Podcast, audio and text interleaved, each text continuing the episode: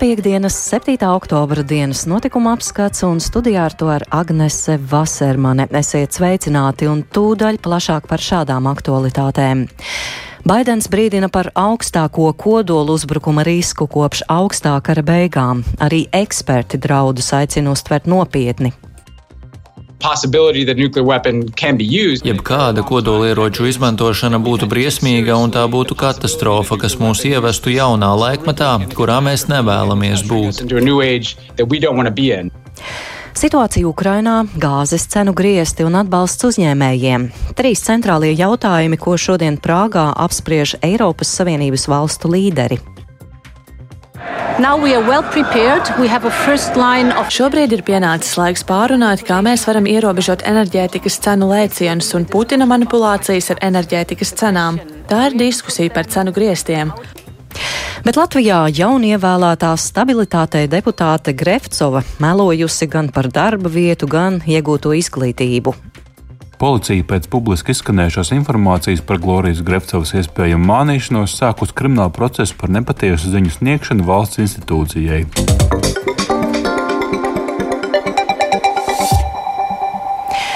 Situācija Ukrainā, gāzes cenu griesti un atbalsts uzņēmējiem - tie ir trīs centrālie jautājumi, ko šodien Prāgā apspriež Eiropas Savienības valstu līderi.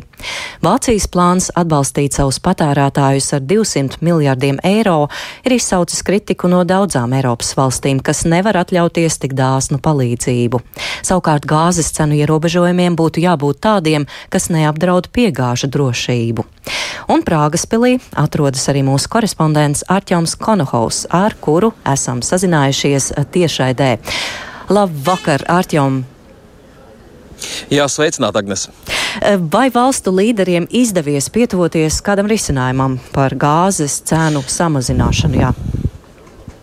Samets ir tik, tikko beidzies, un uh, tagad es stāvu šeit Prāgas pilī. Man garām iet dažādi valstu vadītāji, kuri dodas uh, tikties ar presi.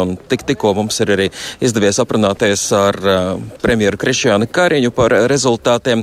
Un kopumā jāsaka, ka tik tiešām solis ir spērts, bet kā jau tika gaidīts no šīs sanāksmes, nekāda konkrēta lēmuma nav pieņemta. Bet ir skaidrs, ka ir jā, jāturpina strādāt pie risinājumiem, kā varētu noteikt cenu griestus, cenu samazinājumu samazinājumu, un ar to tad arī tiks visticamāk jau konkrētāk lemts gan nākamnedēļ um, ministru sanāksmē, kas atbild par enerģētiku, gan arī pēc tam um, Eiropas uh, Savienības uh, līderu jau formālajā sanāksmē Briselē oktobra beigās. Un uh, te būtu jārunā par dažādiem veidiem, kā samazināt no vienas puses cen, cenas gan sašķidrinātai dabas gāzei, gan tai dabas gāzei, kas nāk no Krievijas, gan arī vienoties tomēr ar tādām valstīm kā Norvēģija par kaut kādiem cenu koridoriem tai gāzei, ko viņa piegādā pa cauruļvadiem.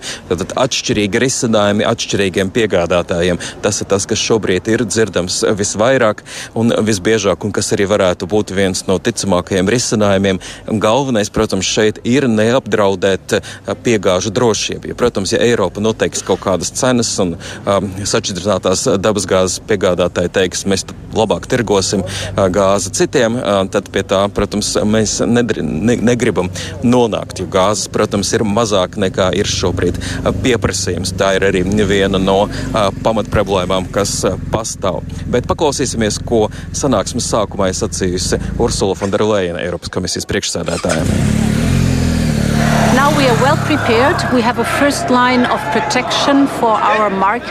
Tagad mēs esam labi sagatavoti. Mums jau ir izveidota primārā tirgus aizsardzība. Šobrīd ir pienācis laiks pārunāt, kā mēs varam ierobežot enerģētikas cenu lēcienus un Putina manipulācijas ar enerģētikas cenām. Tā ir diskusija par cenu griestiem. Mums ir jāsaprot, kur tos nolikt un kā tos nolikt. Otrs būtiskākais jautājums ir vienotais tirgus un godīga konkurence, lai visiem uzņēmumiem būtu vienādas iespējas piedalīties vienotajā tirgū un lai varētu sacensties ar kvalitāti, nevis subsīdiju apjomu. Jā, tā bija Urzula Fonderlejena, un turpinām sarunu ar mūsu korespondentu Arķomu Konohovu, kurš atrodas Eiropas Savienības valstu līderu samitā, kas notiek Prāgā. Arķam, jā, par kādiem risinājumiem samitā tad tiek runāts, lai dažādas valstis, nu, to starp Vācija ar savām subsīdijām nekropļotu konkurence Eiropā?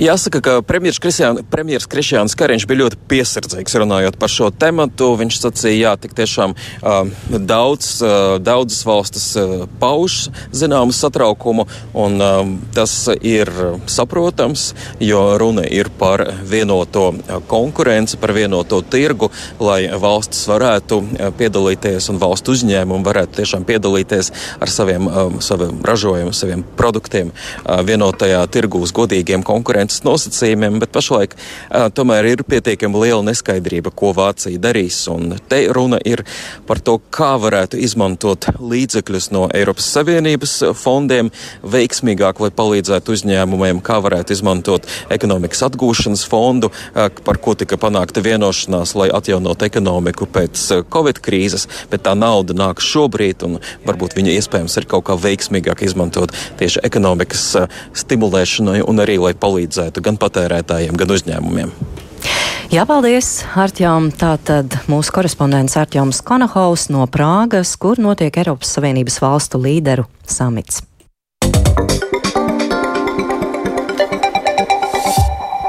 Un turpinām ziņu programmu. Pasaule pirmo reizi kopš augstākā kara beigām atrodas uz kodola konflikta sliekšņa, jo Krievija nopietni apsver kodolieroču lietošanu Ukrainā. Tā ir brīdinājis ASV prezidents Joe Bidenis. Arī bijušais ASV prezidenta Baraka Obamas padomnieka nacionālās drošības jautājumos vietnieks Bens Rauds uzskata, ka Krievijas draudi par iespējamo kodolu ieroču izmantošanu Ukrainā ir jāuztver ļoti nopietni.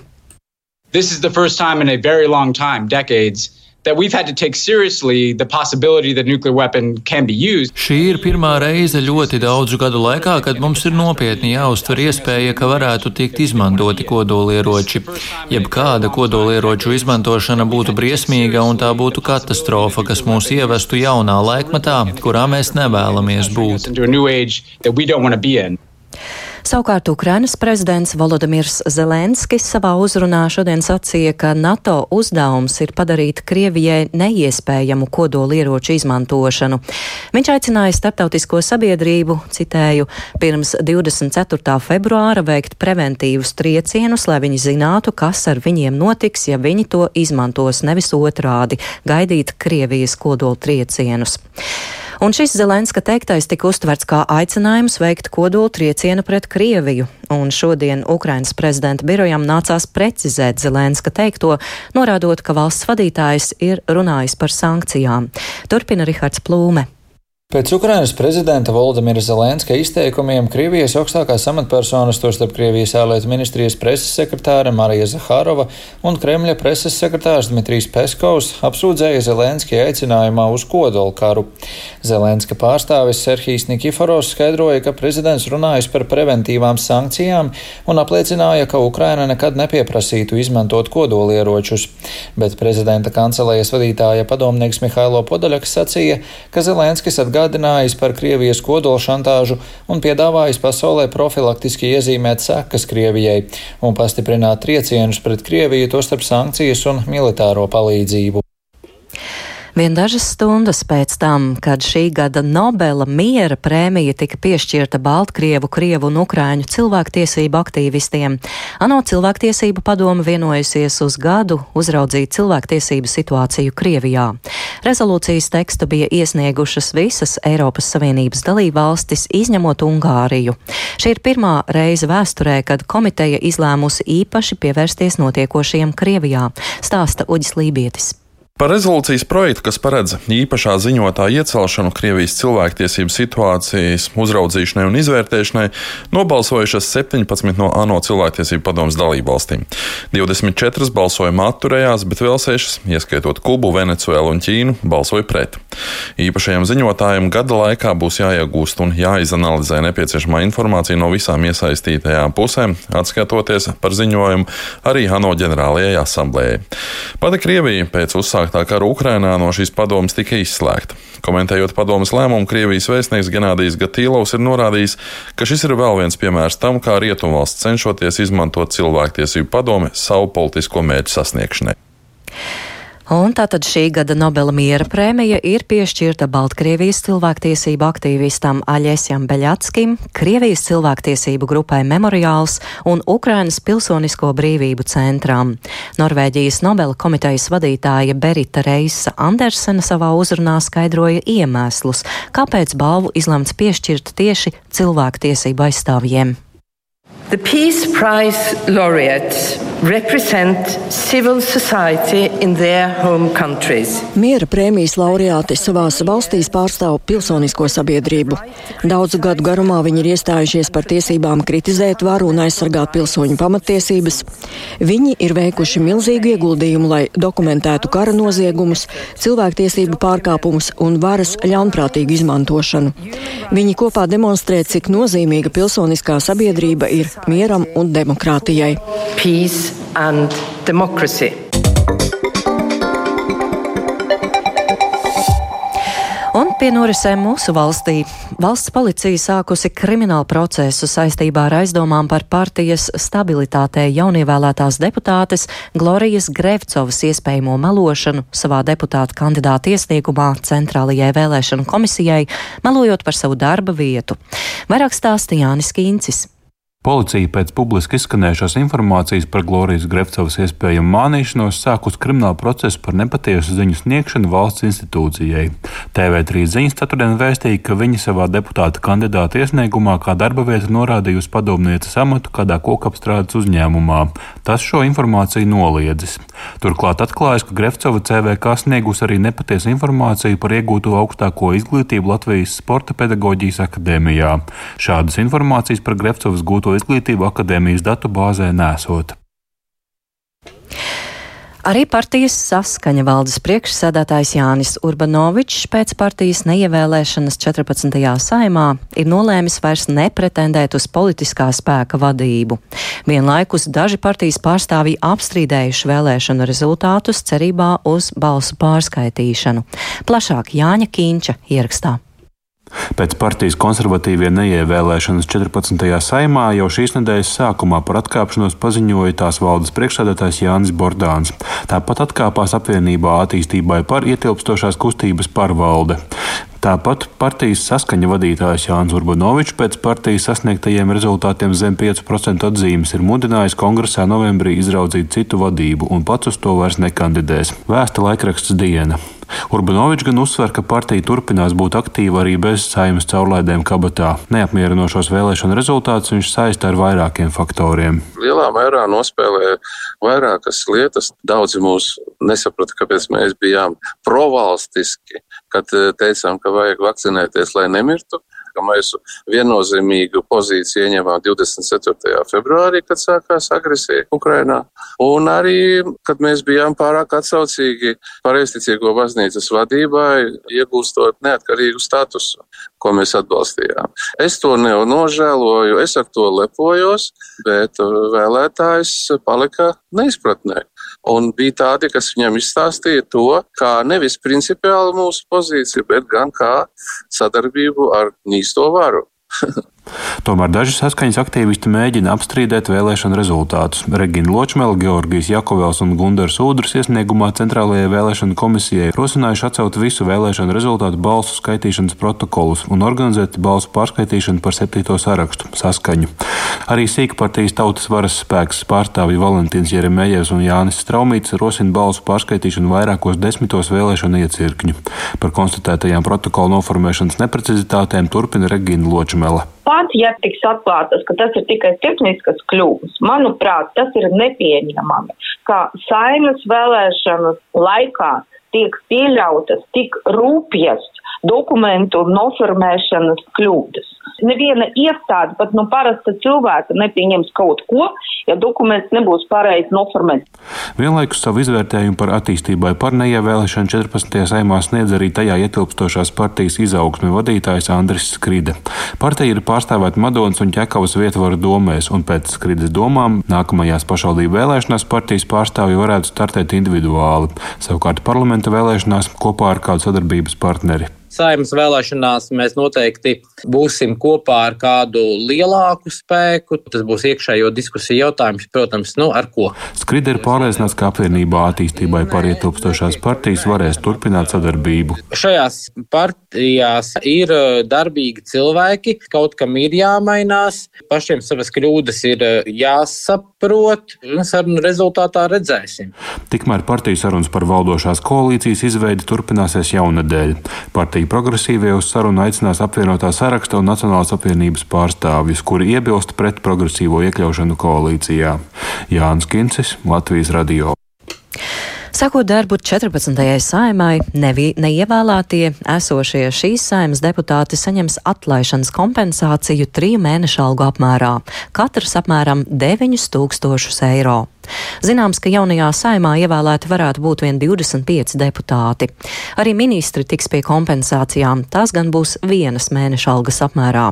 Vismaz deviņu ministru kompensāciju kopējais apmērs ir vairāk nekā 44,5 tūkstoši eiro. Plašāk Lindas Spundiņas ierakstā. Vismaz deviņi esošie ministri iesildītos krēslus atstās līdz ar jaunās valdības apstiprināšanu amatā. Kā zināms, vēlētāju pietiekama uzticība neieguva attīstībai par politiskiem spēkam šobrīd ir četri ministri. Kā arī jaunā konservatīvā partija 14. saimā netika, kurai šobrīd ir četri ministru krēsli. Esošo finanšu ministru Jāni Reiru no jaunās vienotības vēlētāji pietiekami daudz reižu svītroja no sarakstiem. Partija paziņoja, ka ministru portfeļus nedos politiķiem, kas parlamentā neiekļūs. Par pārējo četru ministru, kā arī ministru prezidenta turpmākajām darba attiecībām ar valsts kancelēju, vēl ir grūti spriest, jo šobrīd notiek valdības veidošanas sarunas. Kad ministri atstās savu amatu, viņiem mēneša laikā izmaksās atlaišanas pabalstu vienas mēneša algas apmērā, skaidro ministru kabineta preses sekretārs Reinis Grāvītis. Mēneša laikā pirmkārt cilvēks, kurš neturpinās darbu, raksta iesniegumu, ka viņš nebūs eh, nedz ministrs, nedz ministrs prezidents, nedz eh, ministra padomnieks un arī valsts prezidenta padomnieks kādos jautājumos pamatojoties uz to, tad arī ir uh, skaidrs, ka šim cilvēkam pienākās atlaišanas pabalsts vienas mēneša algas apmērā. Tiem cilvēkiem, kas būs vai nu ministri, vai ministru padomnieki, vai valsts prezidenta padomnieki, vai, piemēram, parlamentārie sekretāri, tad tādā gadījumā atlaišanas pabalsts izmaksāts netiek. Ja ministri nav izmantojuši ikgadējo atvaļinājumu, par to arī samaksās. Šobrīd ministru prezidentam mēneša alga ir 5216 eiro, ministriem 4952 eiro, bet parlamentārajiem sekretāriem 3841 eiro. Par deviņiem esošajiem ministriem kompensāciju kopējais apmērs ir vairāk nekā 44,5 tūkstoši eiro. Savukārt vismaz astoņi parlamentārie sekretāri arī beidz savas darba attiecības. Tur šī pabalstu summa kopā sastāda teju 31 tūkstoši eiro, un kopējā summa veidojas aptuveni 75,5 tūkstoši eiro. Savukārt zināms, ka 13. saimā vismaz divas trešdaļas deputātu atstās savu amatu.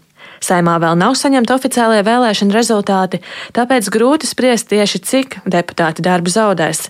Parlamenta deputātiem atlaišanas pabalstu izmaksā triju mēnešu algu apmērā, skaidro Saimas sabiedrisko attiecību biroja vadītājs Juris Vīgulis. Jāņem vērā, ka šis pabalsts visiem deputātiem nebūs vienāds. Pabalsta apmērs atšķirsies, jo arī algas ir atšķirīgas atkarībā no papildu amata pienākumiem. Nu, piemēram, ja deputāts strādā kādā komisijā vai frakcijā, un viņam ir vadošs amats šajās frakcijās vai komisijās. Respektīvi, pabalsts tiem 13. sēmas deputātiem, kuri nav kandidējuši 14. sēmas vēlēšanās vai kuru pārstāvētais saraksts nav iekļuvis parlamentā, tiks izmaksātas vienā maksājumā. Mazliet citādāk ir ar tiem deputātiem, kuriem vēl ir iespēja kļūt par 14. sēmas deputātu, nu, piemēram, pēc valdības apstiprināšanas stājoties to deputātu vietās, kas kļuvuši par ministriem. Šādā gadījumā pabalsts tiks izmaksāts pa daļām, izmaksājot ne vairāk kā vienu mēnešu algas apmēru mēnesī.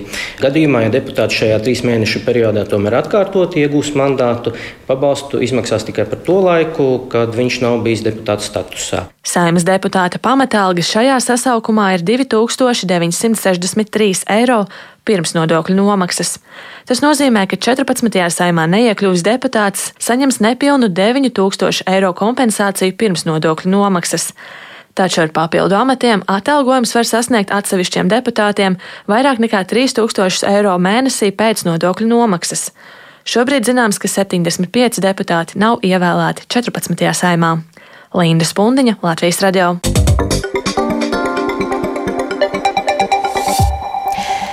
Politiķu iecerē par 120 eiro paaugstināt minimālo algu skartu piektdaļu Latvijas iedzīvotāju, kas līdz šim saņēmuši 500 eiro lielu algu. Tomēr pret politisku minimālās algas celšanu iebilst sociālie partneri. Par minimālās algas iespējamajām izmaiņām interesējās Linda Zalāne.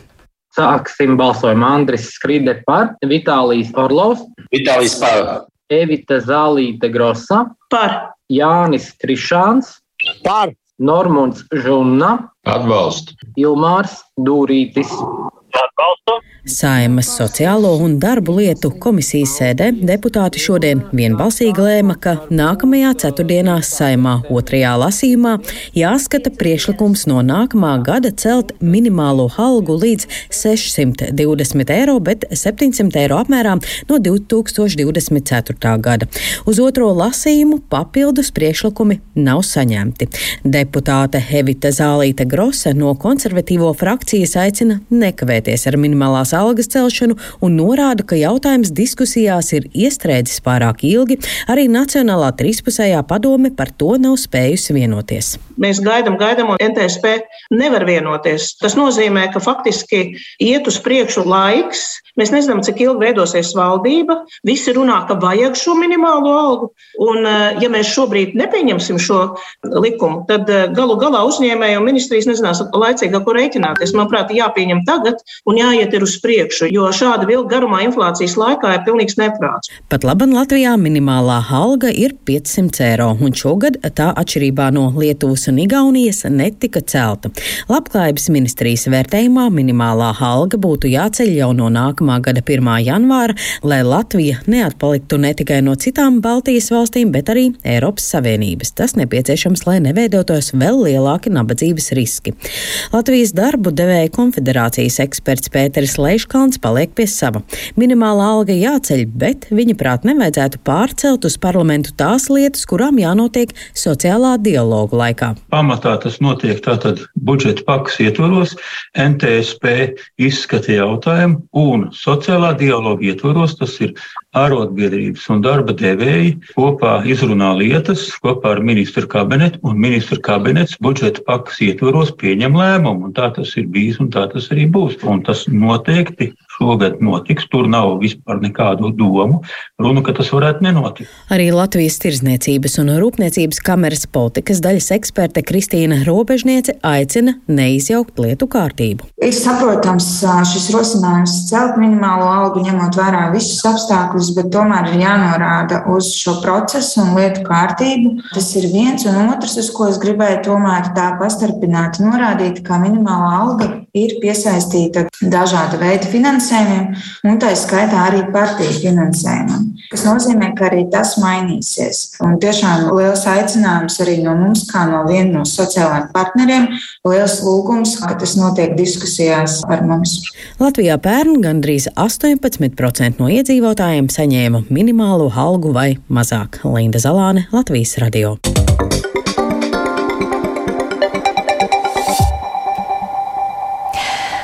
Ar to arī izskan piekdienas, 7. oktobra dienas notikuma apskats. Šīs ziņa programmas producents Edgars Kopčs, skaņu režijā Renārs Šteimanis un Kārlis Rašmanis, studijā Agnese Vasermane par svarīgāko. Baidens brīdina par augstāko kodolu uzbrukuma risku kopš augstā kara beigām. Arī eksperti draudus aicina uztvert nopietni. Situācija Ukrainā, gāzes cenu griezti un atbalsts uzņēmējiem - šie trīs centrālie jautājumi, ko šodien Prāgā apspriež Eiropas Savienība Savienības valstu līderi. Jaunievēlētā stabilitātei deputāte Grevcova melojusi gan par darba vietu, gan iegūto izglītību. Par to sāks krimināla process. Un Nobela miera prēmija ir piešķirta Baltkrievijas, Krievijas un Ukrainas cilvēktiesību aktīvistiem.